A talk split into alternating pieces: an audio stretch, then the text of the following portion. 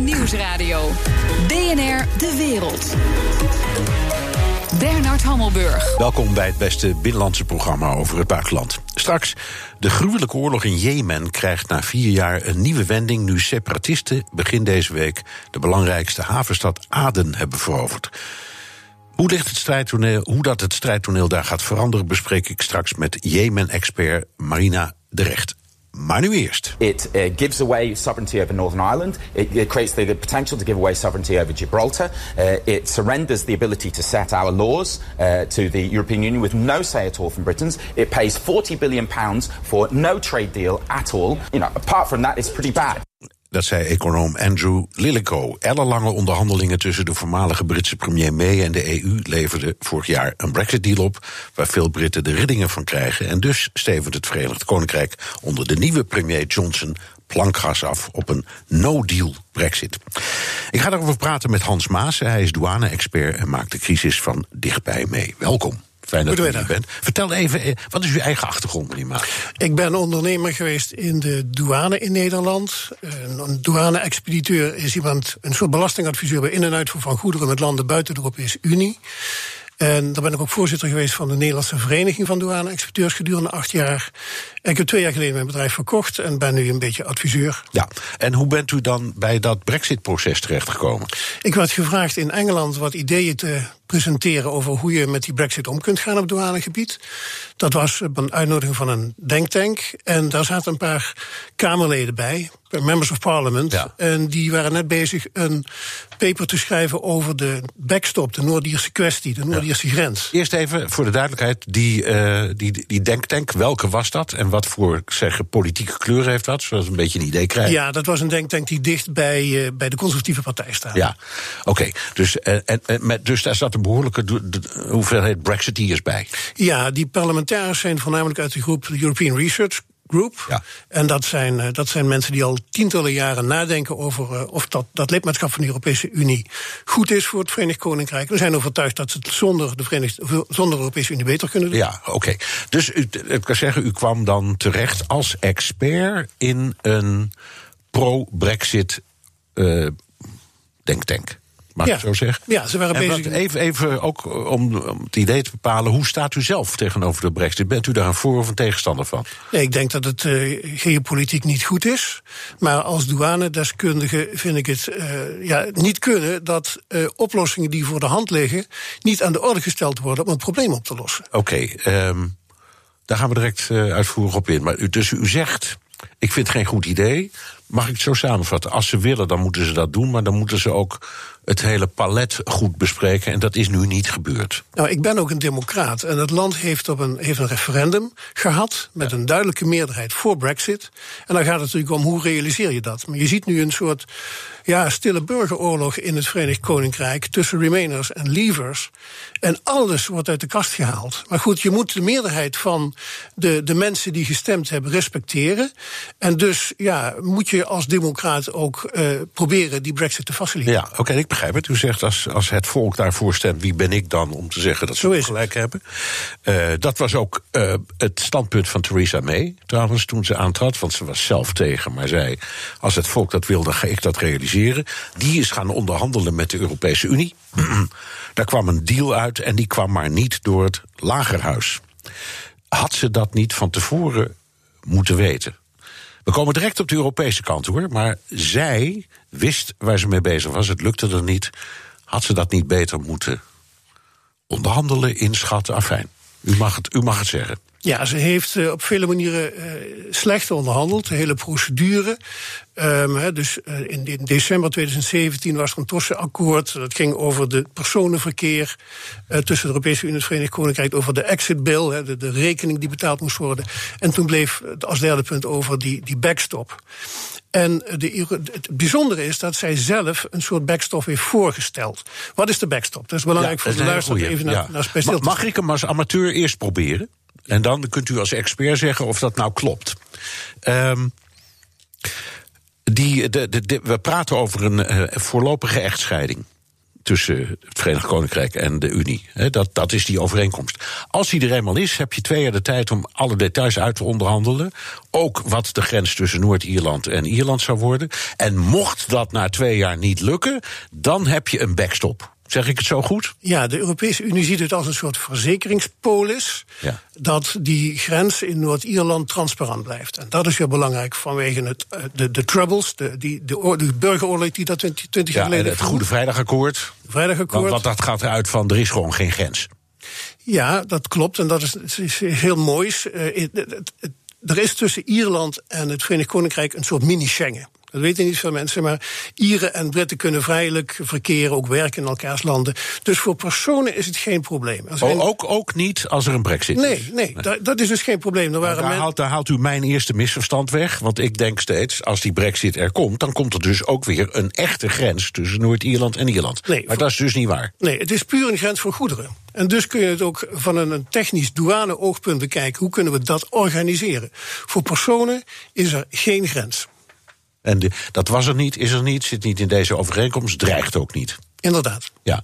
Uh, dan konden Noord-Ieren, dat staat ook in dat Goede Vrijdagakkoord, uh, wat een einde maakte aan die, uh, de Troubles, die burgeroorlog. Daar staat in dat Noord-Ieren kunnen kiezen voor een, de dubbele nationaliteit of alleen de, de Britse de Noord-Ierse of alleen de Ierse, dat staat ze vrij. Gaat dat eruit door de brexit, ja of nee? Nee, want het Goede Vrijdagakkoord willen, wil, willen alle partijen zoveel mogelijk in stand houden. Uh, in het Goede Vrijdagakkoord staat ook dat uiteindelijk de mensen in Noord-Ierland zelf bepalen of ze bij Ierland willen horen of bij het Verenigd Koninkrijk. Dus dat is toch wel een, behoorlijke autonomie die die, die regio heeft. Ja. Um, u hebt zelf met uh, premier May hierover zitten praten. Zat u op Downing Street aan de thee met haar? Ja, in de bibliotheek. Ja, vertel, hoe liep dat? Um, nou ja, ik werd uitgenodigd door twee uh, members of parliament, Ian Duncan Smith en Owen Peterson. Um, en de, de bedoeling was om toe te lichten hoe die douane-technische oplossing voor die Noord-Ierse grens uit zou zien. Uh, ik kreeg daartoe de gelegenheid. Ik zal het kort uitlichten wat ik, toelichten wat ik daar verteld heb.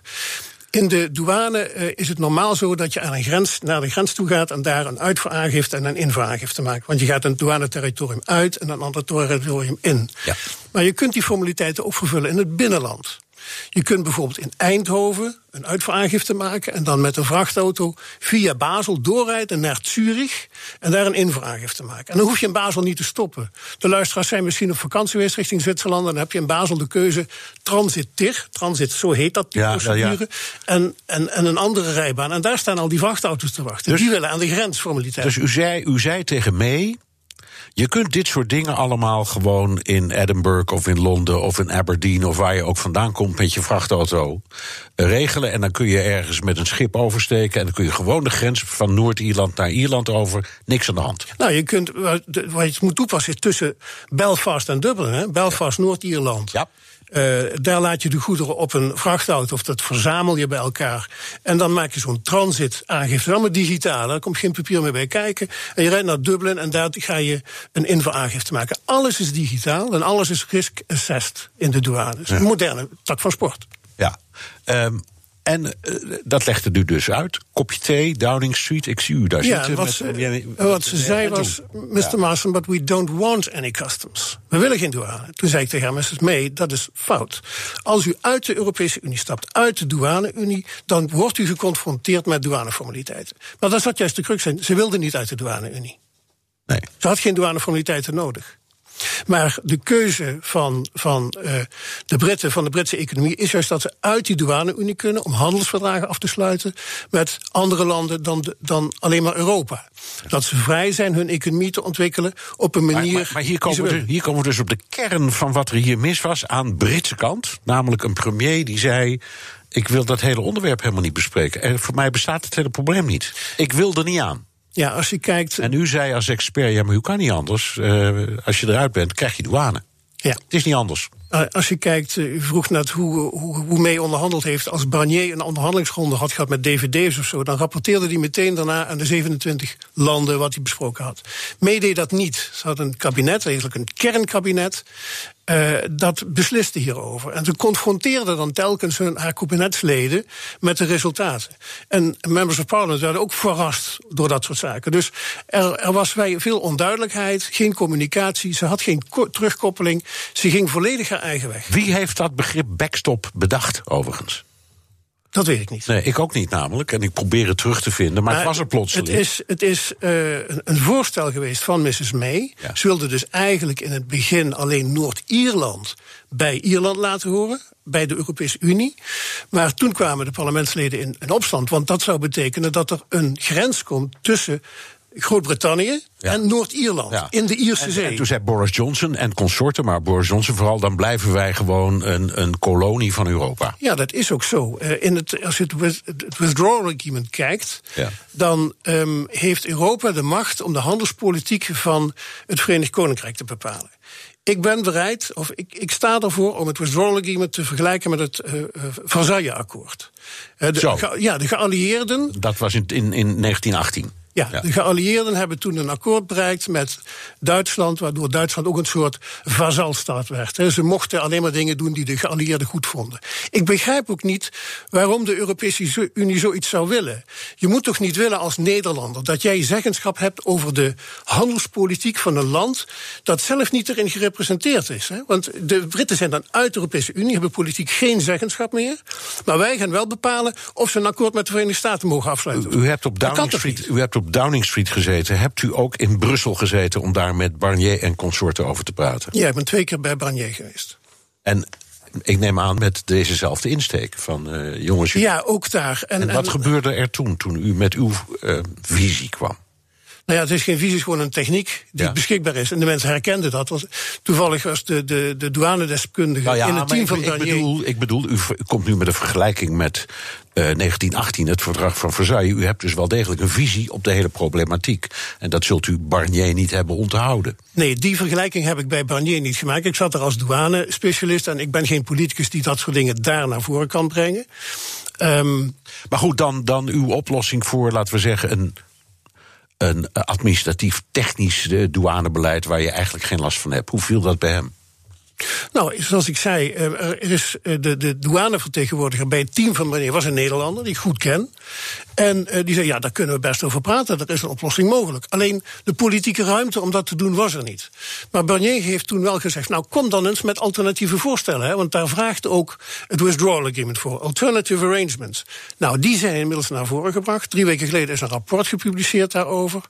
En uh, dus die voorstellen liggen nu op tafel. Alleen, ze zijn politiek nog niet ingebracht bij Barnier. En dus zegt Barnier, ik weet van niks. Nee. Oké, zo dadelijk.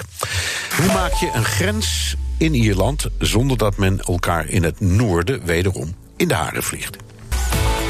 BNR Nieuwsradio. BNR De Wereld. Ik praat verder met mijn gast Hans Maas, douane-expert en betrokken bij het Brexit-proces. The United Kingdom is supposed to leave the European Union, and still there's no deal for that so-called Brexit. A major sticking point: the fate of the border between Northern Ireland, which is part of the UK, and the Republic of Ireland, an independent nation that will remain part of the EU. How that border matter is resolved could also have major implications for the peace forged 21 years ago that ended the deadly uprising in Northern Ireland. Als ik u goed begrijp meneer Maas, is dit eigenlijk een soort frame, dit hele verhaal. Uh, want ik hoorde u straks zeggen, die, uh, dat Goede Vrijdagakkoord, dat komt eigenlijk helemaal niet in gevaar. Er is helemaal geen grens. De mensen mogen nog steeds kiezen uh, in, nationaliteit. Er zijn inderdaad wel douaneconsequenties, maar die zijn oplosbaar. Wie vreemdt ons dan? Ja, kijk, de politiek, politieke situatie is zo uh, dat ik gemerkt heb bij bezoek aan Ierland en Noord-Ierland, bij gesprekken met, met, met parlementariërs, dat er een kleine groep uh, Ierse radicalen is in Sinn Féin, die de Brexit zien als een historische kans om het eiland te verenigen. Uh, Sinn Féin oefent invloed uit op de premier, Varadkar. En die houdt vast als een mantra aan die backstop, aan dat, dat withdrawal agreement. Um, uh, en via de Ieren worden wij gegijzeld als ja, Europese maar, maar even voor de duidelijkheid. Uh, u doet het voorkomen alsof Sinn Féin een, een klein groepje actie, uh, actievoerder is. Maar dat is natuurlijk een van de hoofdrolspelers in deze hele kwestie. Dus die hebben recht van spreken en recht van, op een opvatting. Ja, maar het is, het is toch een vrij kleine groep radicalen daar. Binnen Sinn Féin. En, en als, je ja. ziet, als je ziet waar we over praten, de handel tussen Noord-Ierland en Ierland is heel bescheiden. Um, als we dat vergelijken met de Britse economie, met de Europese economie, dat is peanuts. En die, die kleine kwestie, he, historisch gezien ook geladen, beladen, um, zou dan de, de vriendschap tussen uh, Groot-Brittannië uh, en, en de Europese Unie beïnvloeden. Uh, en dat terwijl er technische oplossingen zijn. Nou, daar moet nu over gesproken worden. De Europese Unie moet, moet stoppen met te denken dat de brexit niet gaat plaatsvinden. Hopen op de oppositie dat zij de macht kunnen grijpen in het parlement en, en Johnson kunnen stoppen. En ze moeten nu onder ogen zien dat Johnson een echte, duidelijke lijn heeft uitgezet. Even, even om bij aan te sluiten bij de actualiteit, want dat speelt op dit moment. Um, nou ja, is, is het idee van misschien dat uh, oppositieleider Corbyn er wel in slaagt om Johnson een beentje te lichten. Um, of misschien is er um, een greep naar toch weer een nieuw referendum of naar algemene verkiezingen, noem het allemaal maar op. En u zegt: stop dreaming. Dat ja. is allemaal onzin. Johnson gaat zijn weg en dat gaat ook en dat gaat gebeuren.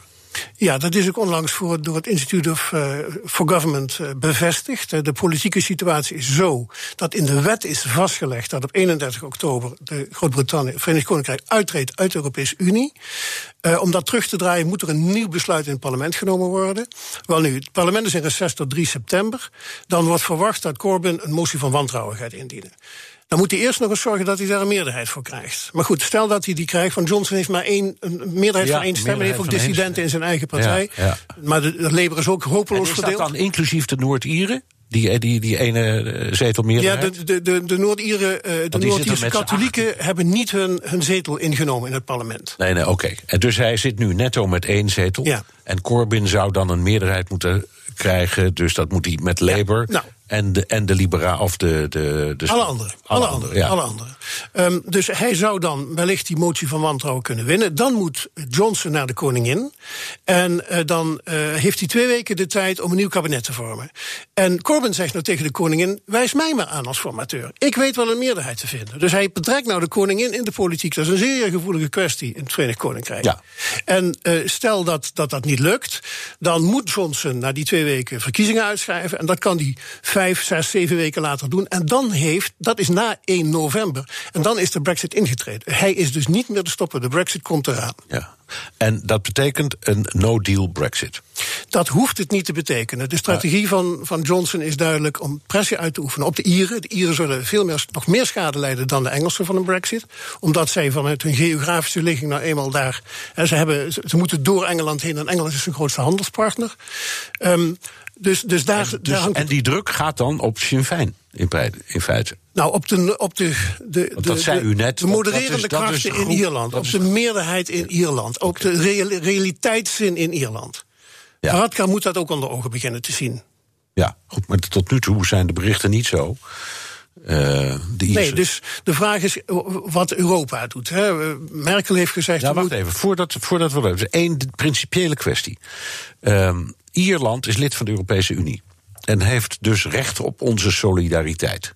Van alle anderen. Toch? Het gaat erom het Goede Vrijdagakkoord en de vrede in Noord-Ierland te, te, bewaren. En niet om uh, stille agenda's van parlementariërs in Ierland uh, te behartigen. Nee, maar dat is onderdeel van. Nee, het is wat ik zeg. Ja. Um, het gaat erom die Noord-Ierse grens vrede te bewaren. En niet om via de Brexit Ierland te verenigen. Dus de andere kant is dan, dan moeten wij moeten dus als Unie ook tegen onze, ons, ons medelid uh, Ierland durven zeggen: sorry jongens, maar in dit geval uh, kiezen we een iets andere koers, zeg ik het zo goed? Ja, Merkel en hoe zou die dan moeten zijn? Want het Europese standpunt tot toe is... er ligt een deal, gaan we niks meer aan veranderen. Ja, dat is een mantra die ze blijven herhalen. Nog steeds met de hoop dat de oppositie die, die, die, dat withdrawal agreement gaat aannemen... dat er geen brexit komt. Maar Merkel heeft gezegd, we moeten het dedramatiseren. Laten we nou eens naar de inhoud kijken, naar de techniek, wat daar mogelijk is. Nou, die eerste stap moet gezet worden. Dat Johnson op bezoek kan gaan bij Merkel, bij Macron. En dan technisch de zaak gaan onderzoeken. En dan komt er beweging in. En technisch betekent uw verhaal over, want daar komt het op neer, uiteindelijk, uh, het douaneverkeer tussen Noord-Ierland en Ierland. Want dat is het probleem. Het is ongelooflijk, maar het is zo. Ja, en u zegt, ik heb de oplossing en hij is niet ingewikkeld. Het is een oplossing die beschikbaar is in de Europese wetgeving en in, in IT-systemen. Oké, hoe verklaart u dan uh, want ik, ik, kan niet anders concluderen dan dat u de EU-koppigheid verwijt. Absoluut. Ja? Waar schrijft u die dan aan toe? Ja, dat is een goede vraag. Ik, ik, ik begrijp dat ook niet. Mensen als Rutte bijvoorbeeld, die zegt: ja. jongens, we zijn er nu echt over uitgepraat. Terwijl dat iemand is die best houdt van een compromis op het laatste moment. Of laten we jongens, laten we nog eens redelijk gaan zitten, kunnen we er niet uitkomen. Het is niet zijn stijl om, zo hard, om het zo hard te spelen. Doet hij toch? Nee, nou, dus de, de, de Ieren spelen daar toch. Wie gijzelt nou wie? Is het de Europese Unie die Ierland gijzelt, of gijzelt Ierland de Europese Unie? Ik denk dat laatste. Ja. Uh, en wat een hand dan, uh, houdt dan die regel aan die nu net zegt: je moet solidair zijn. En dus praten we niet over andere dingen. Die technische voorstellen hebben Barnier nog niet bereikt. Dus hij zegt: ik heb ook niks op tafel. Nou, er is nou een hele nieuwe politieke situatie ontstaan. Er moet een politieke doorbraak komen. Of Nederland die kan leveren, betwijfel ik. Nederland, uh, ik zal u zeggen, de visie van de Engelsen op de Nederlandse politiek is never alone, never first. Dus van de Nederlanders verwachten ze niks, geen doorbraak, geen, geen, geen, geen ideeën. Het moet komen van Engeland, of van, sorry, van, over, van Duitsland. Over, of van ik heb de, de indruk dat Rutte de illusie heeft dat het anders ligt. Ja, maar dat, de, de Engelsen zien dat niet zo. Oké, nou dat is ook goed om te horen. Ja, dus hoe zien die het wel? Waar, waar zit hun. Uh, hopen ze op Duitsland of misschien ook op Frankrijk uiteindelijk op het bijstellen van een deal waarvan Europa officieel zegt: die valt niet meer bij te stellen? Ja, misschien dat de recessie in Duitsland een beetje gaat helpen. De Duitse auto-industrie gaat slecht. Een brexit eroverheen zou nog, nog meer schade aanrichten. Dus dat soort onverwachte elementen uh, kunnen optreden... waardoor er wat beweging komt. Maar ook de, de realiteitszin, de redelijkheid. Uh, het kan niet zo zijn dat wij als Europa Engeland gaan op, op, opleggen hoe zij hun politiek moeten bedrijven. Nee, uh, maar goed.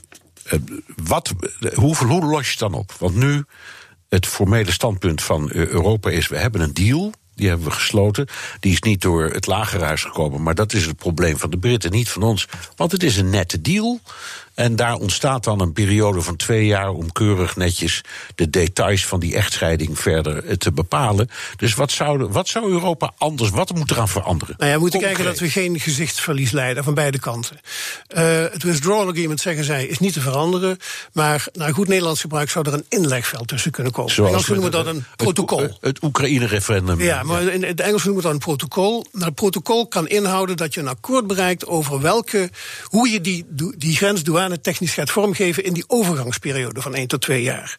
En als de Britten zeggen, nou dat gaan we doen, dat leggen we vast. De Ieren hebben zich ook eraan gecommitteerd. Dat, dan is die verzekeringspolis niet nodig. En dan hoeft die dus niet in te treden. Zeggen, conform uw idee van dat je kunt dat allemaal technisch of, of, of uh, tegenwoordig kan dat allemaal via ICT heel makkelijk oplossen. Het is douanetechniek. Maar, maar aan het einde, als dat allemaal toch niet lukt, of de hele uh, echtscheidingsprocedure in die twee jaar mis, mislukt, dan, dan blijft die uh, die, uh, die backstop. Ja, daar. dat is dus het compromis dat je moet bereiken.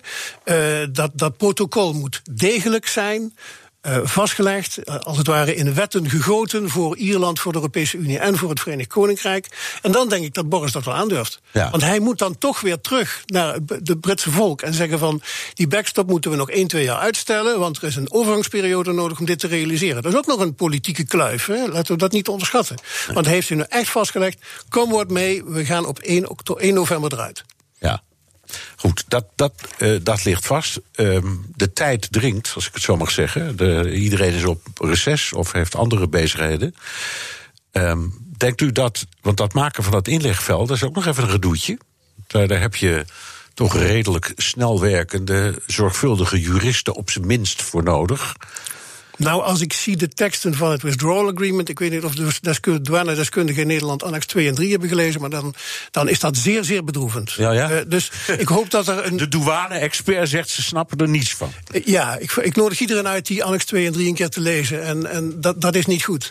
Uh, dus ik denk als je goed om tafel gaat zetten met deskundigen uit het Verenigd Koninkrijk, uit de Europese Unie, dat daar in een paar weken tijd een, een protocol uit kan komen. David Davis zei het uiteindelijk zo. het is altijd de laatste week, de laatste dag, de laatste uur, de laatste minuut pas dat de Europese Unie tot een akkoord komt. Ja. De pressie moet enorm zijn, maar dan moet er eerst technisch voorwerk gedaan Ja, maar dat kan ik me wel voorstellen. Een goede onderhandelaar doet dat. Onderhandelaar doet dat. Ja, ik laat de ander maar komen en uiteindelijk. Ja, en kijk, dat is Boris dus aan het doen. Hij zegt, jongens, als we niet tot een akkoord komen, komt er een no-deal. En dat is precies wat May niet deed. Die gooide die no-deal weg, dat gaat dan niet komen. Dus kon, Europese, kon de Europese Unie eisen wat ze wilde. May deed met alles mee. Ja. Heel hartelijk dank voor dit zeer verhelderende gesprek, Hans Maassen, douane-expert. BNR Nieuwsradio. BNR De Wereld. Bernard Hammelburg. Alweer een grote schietpartij in Amerika. As we watch this active scene, we have a recording. We want to play the very dramatic call for help. Car stand by, car stand by, 3700 North 15th Street, fired at police in South Department. Cars use caution, please, and respond. It's right there. Stand by. Tijd voor een update uit de United States of Trump. The Donald Show. Onze correspondent in Washington, Jan Postma. Jan, het was weer raak, nu in Philadelphia. Achter de schermen belt president Trump met democraten over strengere wapenwetten. Ja, ja, en hij heeft inmiddels ook uh, gereageerd op, op deze schietpartij uh, van ja, voor ons vannacht. Uh, de man had zich acht uur lang ja, verschanst in een huis, heeft zes agenten neergeschoten. Het ging ja, om iemand die opgepakt moest worden, die voor, voor ja, iets met drugs wordt gezegd. nou ja, dat werd een enorme schietpartij. Trump die tweet nu, ja, die man had nooit een wapen mogen hebben. We moeten strenger zijn op criminaliteit. En dat is eigenlijk wat hij steeds doet. Hè. Hij geeft steeds heel consequent aan dat het probleem bij de mensen ligt en niet bij de wapens.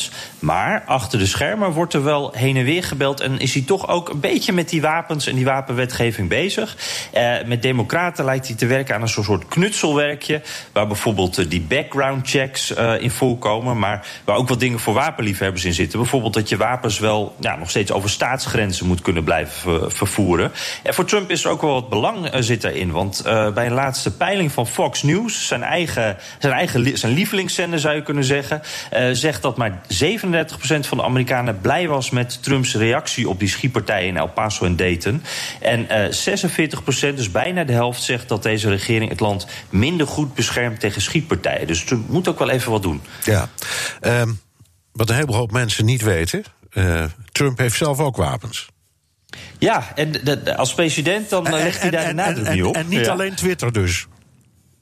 nee, nee, dat weapon of mass. Ja, uh, uh, ja god. Maar goed, uh, nee, hij heeft ook echte vuurwapens. en, en als president houdt hij dat een beetje voor zich. Maar in een oud interview geeft hij aan dat hij meerdere vuurwapens heeft. En in 2015 bijvoorbeeld zei hij tegen een Frans blad dat hij altijd een vuurwapen draagt. En dat hij bijvoorbeeld ook de, de Bataclan-schutters had kunnen tegenhouden als hij daar was bij geweest. en en ja, hij heeft een concealed carry license. Dat betekent dat hij zijn wapen bij zich mag dragen zonder dat je het kan zien. En daar moet je een vergunning voor hebben, dat heeft hij dus. En ook mensen in zijn omgeving vertellen dat uh, ja, hij houdt er wel van om met de agenten van de geheime dienst een beetje over die wapens te praten, een beetje te vergelijken. Er staat niet bij of hij nog steeds met een wapen rondloopt, maar ik denk dat de, uh, de FBI dat niet toestaat. Nee, of juist wel, want hij, hij hoeft nooit door zo'n poortje, toch? Dat is waar. Hij mag altijd door de speciale ingang. Ja. Oké, okay, dan uh, even een ander onderwerp. Misschien hangt het er wel of niet mee samen. Maar Trump maakt zich zorgen over de economie. Ja, ja, ja. Nou, er, er hangen wat uh, economische onweerswolken eigenlijk boven de VS. Hè. Er is hier wat angst voor recessie. De beurs reageert daar ook op. En, en, en Trump maakt zich daar grote zorgen over. Want die economie, dat is natuurlijk zijn belangrijkste argument voor herverkiezing. Dat is eigenlijk de sleutel voor zijn herverkiezing. Als dat maar goed gaat, nou ja, dan zit het met die herverkiezing waarschijnlijk ook wel goed. En in het Witte Huis kijken ze nu een beetje om zich heen. Want wat kunnen ze eigenlijk nog doen? En dan komen ze eigenlijk tot de conclusie dat ze eigenlijk alle middelen wel gebruikt hebben om de economie op te jagen. Ze hebben al een belastingverlaging doorgevoerd. Ze hebben al heel veel dingen gedaan. En ja, daarin zie je nu al een tijdje een strategie bij Trump... dat hij zich een beetje aan het indekken is. we weten nog niet welke kant die economie opgaat. Misschien valt het mee, maar dat hij in ieder geval al weken, maanden de Fed de schuld geeft. En die Jerome Powell, die man die daar aan het roer staat, ja, die, die, verlaagt de rente niet genoeg. En dat is Trumps ja, zijn zondebok eigenlijk. Ja. Hij heeft wel, uh, dat viel enorm op, een aantal een dreigement of voor nieuwe heffingen met, uh, op China teruggenomen. Ja, ja en dat, dat, dat heeft hier dan ook uh, een beetje mee te maken, denk ik. Hij, gaf als reden, uh, ja, zodat het geen invloed heeft op de kerst. En, en hij, hij wil niet dat de, prijzen omhoog gaan voor kerst. Hè. Dat zou niet goed vallen natuurlijk. Als je vlak, dat zou ook in Nederland, als je vlak voor Sinterklaas of de kerst... als ineens alle, al het speelgoed, alle elektronica duurder wordt... nou, dan wordt iedereen ook boos.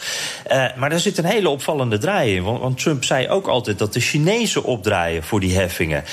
maar nu zeggen hij en, en ook andere mensen in het Witte Huis dus van ja, wij doen dit om eigenlijk onze kerst te redden, dat die prijzen niet omhoog gaan. En, en dat zegt toch, ja, dat vertelt een heel ander verhaal dus. Ja, even heel snel toch. Er worden handtekeningen verzameld om een stukje Fifth Avenue van naam te veranderen. Dat ja, dat is wel een mooi verhaal, Bernard. En jij ook als, als halve New Yorker vindt dat ook vast uh, interessant om te horen. Bijna 300.000 handtekeningen zijn al binnen. Gaat om het stukje uh, 56ste en de 57ste straat van Fifth Avenue. Dat blok alleen. En nou ja, jij weet vast ook wel welke Daar miljardair op dat stukje ja? Jazeker, dat is de gouden letters staan daar. En dat stuk moet dan President Barack H. Obama Avenue gaan heten. En dat zou dus het adres van Trump Tower maken. 725 President Barack H. Obama Avenue. Nou, ik denk niet dat Trump daarin meegaat. Nee, maar het is wel leuk. Dankjewel, Jan Posma. Jemen zucht al ruim vier jaar onder een bloedige en verwoestende burgeroorlog. En deze week kreeg het conflict er een nieuw strijdtoneel bij. Street battles have raged for four days in Yemen's second city, Aden, since Houthi rebels took over the capital Sana'a in 2015. Aden has been the seat of the country's internationally recognized government. Now, key areas, including the presidential palace, have fallen to southern separatists. Ik ga erover praten met mijn gast Marina de Recht, antropoloog en Jemen-expert verbonden aan de Vrije Universiteit van Amsterdam. Welkom, fijn dat u er bent. Um, we hoorden uh, deze week vooral over de strijd tussen de regering en de Houthi-rebellen, maar nu separatisten. Uh, in het zuiden die een aanval hebben gedaan op Aden. En dat ook wel of niet hebben ingenomen, dat is mij niet helemaal duidelijk. Waar komen die ineens vandaan, die separatisten? Ja, dat is uh, eigenlijk voor de mensen die Jemen kennen niet zo verrassend. Noord- en Zuid-Jemen zijn tot 1990 gescheiden landen geweest. Uh, Zuid-Jemen was een republiek, een marxistische republiek. En eigenlijk heel vijandig gevoed uh, met Noord-Jemen. Maar in 1990 is dat één land geworden. En eigenlijk sindsdien zijn er toch echt uh, onder de zuiderlingen, de zuidelijke Jemenieten, heel veel gevoelens dat zij weer ja, onafhankelijk willen. En je kunt je voorstellen dat deze oorlog, die nu al ruim vier jaar duurt, ook voor hen een reden is om te zeggen: Nou, zoeken jullie het maar uit. Uh, wij willen gewoon onafhankelijkheid. Nou, ik vraag het omdat. Uh... Uh, wij gewone stervelingen die niet elke dag in Jemen komen, ja. uh, het uh, steeds proberen makkelijk te maken. Je hebt een regeringsleger, dat wordt dan gesteund door Saoedi-Arabië en nog wat andere. En dan heb je de Houthis, de andere kant, en dat wordt dan gesteund door Iran. En verder ja. is er niemand. Ja, een beetje Al-Qaeda. Maar die separatisten was denk ik voor een heleboel mensen een nieuw woord, een nieuw begrip ja. in dit hele conflict. Nou, er zijn, want als je Al-Qaeda meerekent, ja. heb je dus niet twee groepen, maar vier. Inderdaad. En ik moet eerlijk zeggen, in heel veel interviews die ik al eerder heb gegeven, heb ik altijd de separatisten genoemd als een partij die veel te weinig aandacht krijgt. Want Zuid-Jemen heeft echt, nou ja, al jaar en dag geroepen om aandacht en ook om een plaats aan de onderhandelingstafel. Van hallo, Houthis uh, uh, en de Hadi-regering, dat zijn twee belangrijke partijen, maar vergeet ons niet. Maar ze zijn heel lang wel vergeten. Ja. Van nee, de Houthis en, en, en uh, nou ja, de, de Hadi-regering. Nou, laten we zeggen, ze hebben opgeluisterd of het nieuws, of het nieuws heeft u geholpen, hoe dan ook. Ja. Daar waren ze plotseling met de verovering van Aden. Eerst even, hebben ze dat nou echt veroverd? Want daar is, dat is, zijn berichten die elkaar tegenspreken. Um, ja, volgens mij wel. Oké, okay, hoe belangrijk is dat? Dat is heel erg belangrijk. Je je kan eigenlijk zeggen dat Aden, de zeg maar hoofdstad, of de, twe- de hoofdstad van Zuid-Jemen, de afgelopen jaren door Hadi is ja, eh, eh, eh, als hoofdstad is bestempeld, omdat hij Sanaa kwijt is geraakt. En dat was de eigenlijke hoofdstad, Dat was ja. de eigenlijke hoofdstad van Jemen. Hadi wordt echter door Saoedi-Arabië gesteund. En eh, Saoedi-Arabië wil nou ja, dat de Houthis eh, uit Jemen weggaan. Maar zij willen ook niet dat Zuid-Jemen een onafhankelijke staat worden.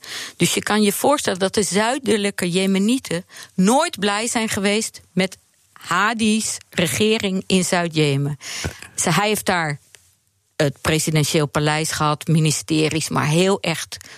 eh, Zeg maar, eh, voet aan de grond had hij ook niet. Hij, ze zijn ook gevlucht. En ja, in wie, wie nou echte macht in handen heeft in Zuid-Jemen is onduidelijk. Of in Maar goed, Aden. Aden is dus wel degelijk in handen van die separatisten. Zeker. Ehm, eh, eh, leidt dat nu tot verdere escalatie van het conflict? Of, of juist niet? Want als ik u goed beluister, dan is het misschien.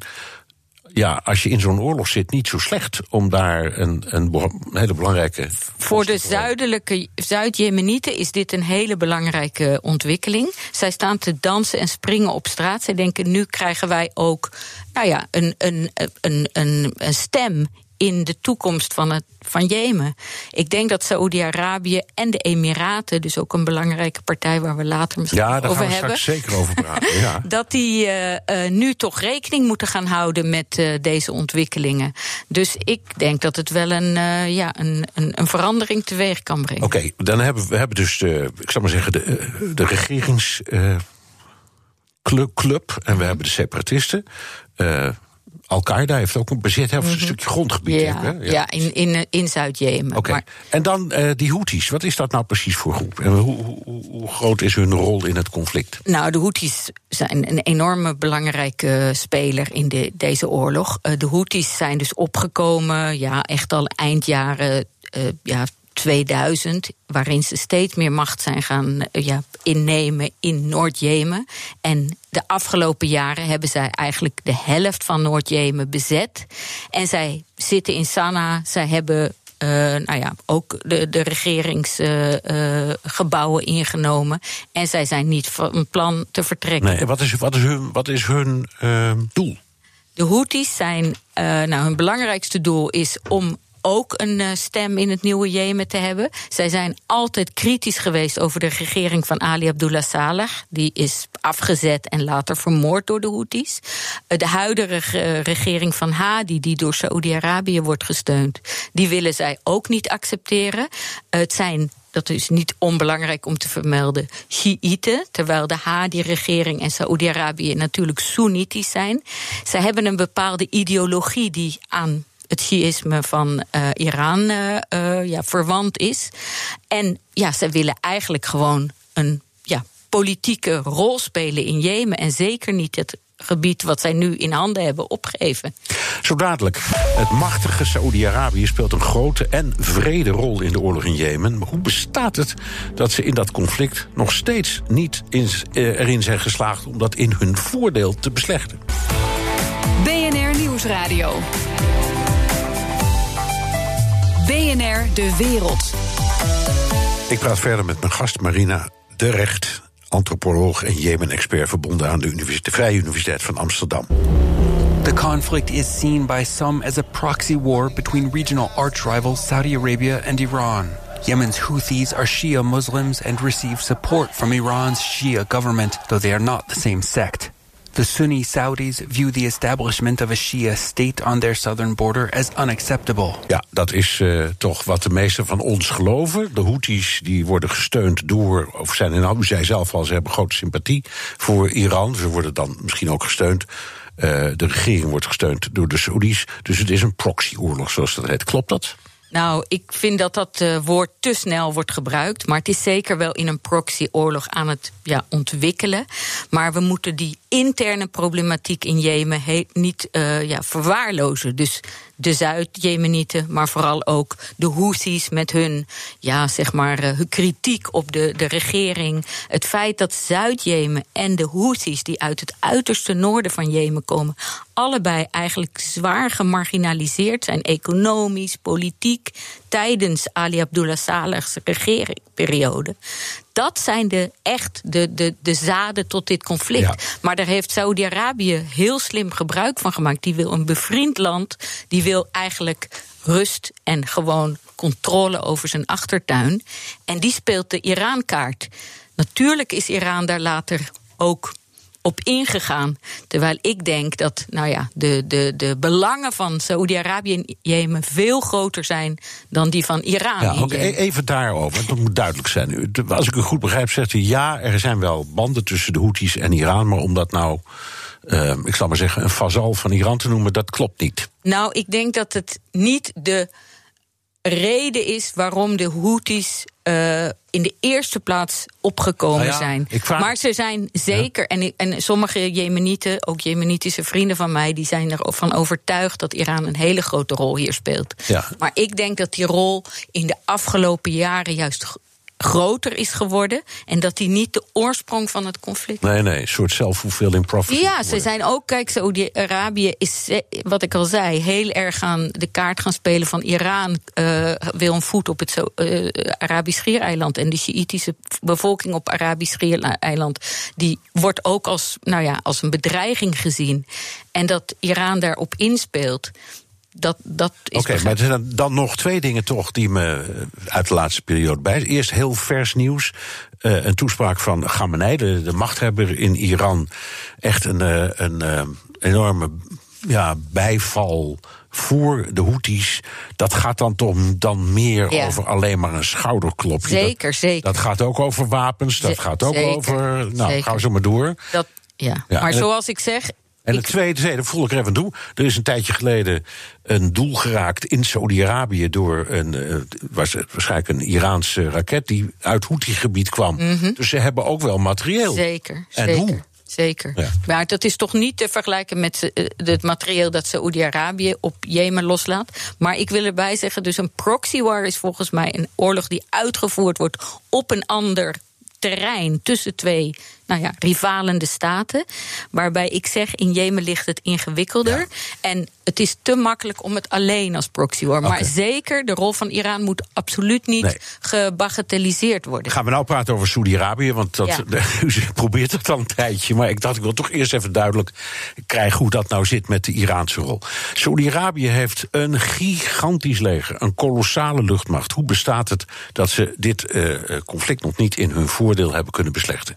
Ja, dat is een hele goede vraag. Eh, zij dachten dat ze het binnen een paar maanden eh, wel eh, geregeld hadden en die Houthis eruit hadden geslagen. En het duurt nu al 4,5 jaar. Ik denk een van de belangrijke dingen is dat Saoedi-Arabië is niet op de grond aanwezig. De Houthis. Geen grondlegger. Dus Nee. dat er, er is een stelling dat je een oorlog nooit kunt winnen zonder grondtroepen. En die gaat Ja. hier klaarblijkelijk op. Inderdaad, maar ook eh, de Houthis zijn heel sterk aan de grond. En zij zitten, ze hebben enorme guerrilla-technieken, eh, strate- strategieën eh, waar die bombardementen blijkbaar niet op. Nou ja, niet eh, afdoende tegen werken. We moeten ook niet vergeten dat Saoed, Ali Abdullah Saleh in de 33 jaar dat hij aan de macht was, heel erg veel materieel, wapens heeft nou ja, verzameld. En dat in de handen van de Houthis eh, terecht is gekomen. Want Ali Abdullah Saleh heeft op een gegeven moment de kant van de Houthis gekozen. Ja. Een partij die die jarenlang bevocht. En daardoor. En, en die, die, die militaire opslagplaatsen zijn overal in het land. Dat is echt eh, schrikbarend. Ja, dus, dus er staan kolossale wapenhoeveelheden aan de kant van de, van de Houthis. De Saoedi's werken, eh, hebben geen grondtroepen. Nou, behalve de Emiraten, waar Ja, we het zo over krijgen. Daar, daar, komen we zo, daar komen we zo over te spreken. Maar de, maar de Nee. denkt toch een van de grootste krijgsmachten Ja. ter wereld. Ja. Nou, zij maken Kan- wel kan gebruik. Niet, ja, kan niet winnen. Nou, ja, eh, ik ben geen militair expert, dus eh, ik, ik begrijp het zelf ook niet. Maar op zich ehm, ja, denk ik dat de Houthis er zo gewoon te slim af zijn. En echt heel strategisch en tactisch uh, oorlog voeren. En bijvoorbeeld ook politiek heel slim zijn in de macht in handen houden in de gebieden waar zij uh, uh, zitten. En toch ook veel steun van de bevolking krijgen. Die Saoedische bombardementen gaan al jaren door. En dat heeft tot een enorm anti-Saoedisch sentiment geleid. Maar daarnaast wat ik al zei, heel veel Jemenieten zijn die Houthis ook helemaal beu. Die zeggen van, wij zitten hier tussen twee vuren. Ja, en laat alsjeblieft... Ja, ja, inderdaad. Oké, okay. um, Saoedi-Arabië werkt in Jemen met een coalitie. Inderdaad. Uit welke landen bestaat die coalitie? Nou, die bestaat uit uh, tien uh, uh, ja, Arabisch-Soenitische landen. waaronder bijvoorbeeld Soudaan, Marokko, Egypte en de Emiraten. Um, en de Emiraten spelen een hele belangrijke rol uh, in de ja, huidige... Want, want wat we nu hoorden was dat dat innemen van Aden door de separatisten was gefaciliteerd omdat de Emiraten dat hebben gesteund. Ja, dus er is... En dan denk ik dat, dat, zijn, dat zijn, die Emiraten zitten in een coalitie met Saudi-Arabië. Nou, aardige vrienden zeg. Nou, inderdaad, er is dus in die coalitie rommelt het al een tijd. De Emiraten hebben, zijn eigenlijk een beetje een onafhankelijke koers gaan varen. En die hebben zich steeds meer gericht op Zuid-Jemen. De Emiraten hebben eigen belangen in deze oorlog. Een van de belangen is dat zij ja, voet aan de grond willen in de kustgebieden van het Arabisch Schiereiland. Ja, dat begrijp Zij ik wel. willen Als meer... je op de kaart kijkt, begrijp je dat ook wel. Dat is een heel strategisch punt Ja, voor hun. Ja. Zeker. En zij willen meer havens en zij willen meer uh, toerisme. Er is dus een heel prachtig eiland uh, in Jemen, Socotra. Dat hebben ze eigenlijk min of meer bezet. Daar wilden ze echt een toeristisch uh, paradijs van maken. Uh, gelukkig is dat toch een halt toegeroepen. Maar zij zijn uit op ja, um, ja, bezetting, of in ieder geval inspraak in gebieden aan de Indische Oceaan en de Golf van Aden. Okay. En zij zijn dus eigenlijk tegen de Saoedische ja, coalitiestrategieën in de zuidelijke Jemenieten gaan, gaan steunen. steunen. Ja, dat was, ook, dat was echt voor mijn idee compleet nieuw. Maar goed, mm -hmm. uh, ik begrijp het nu.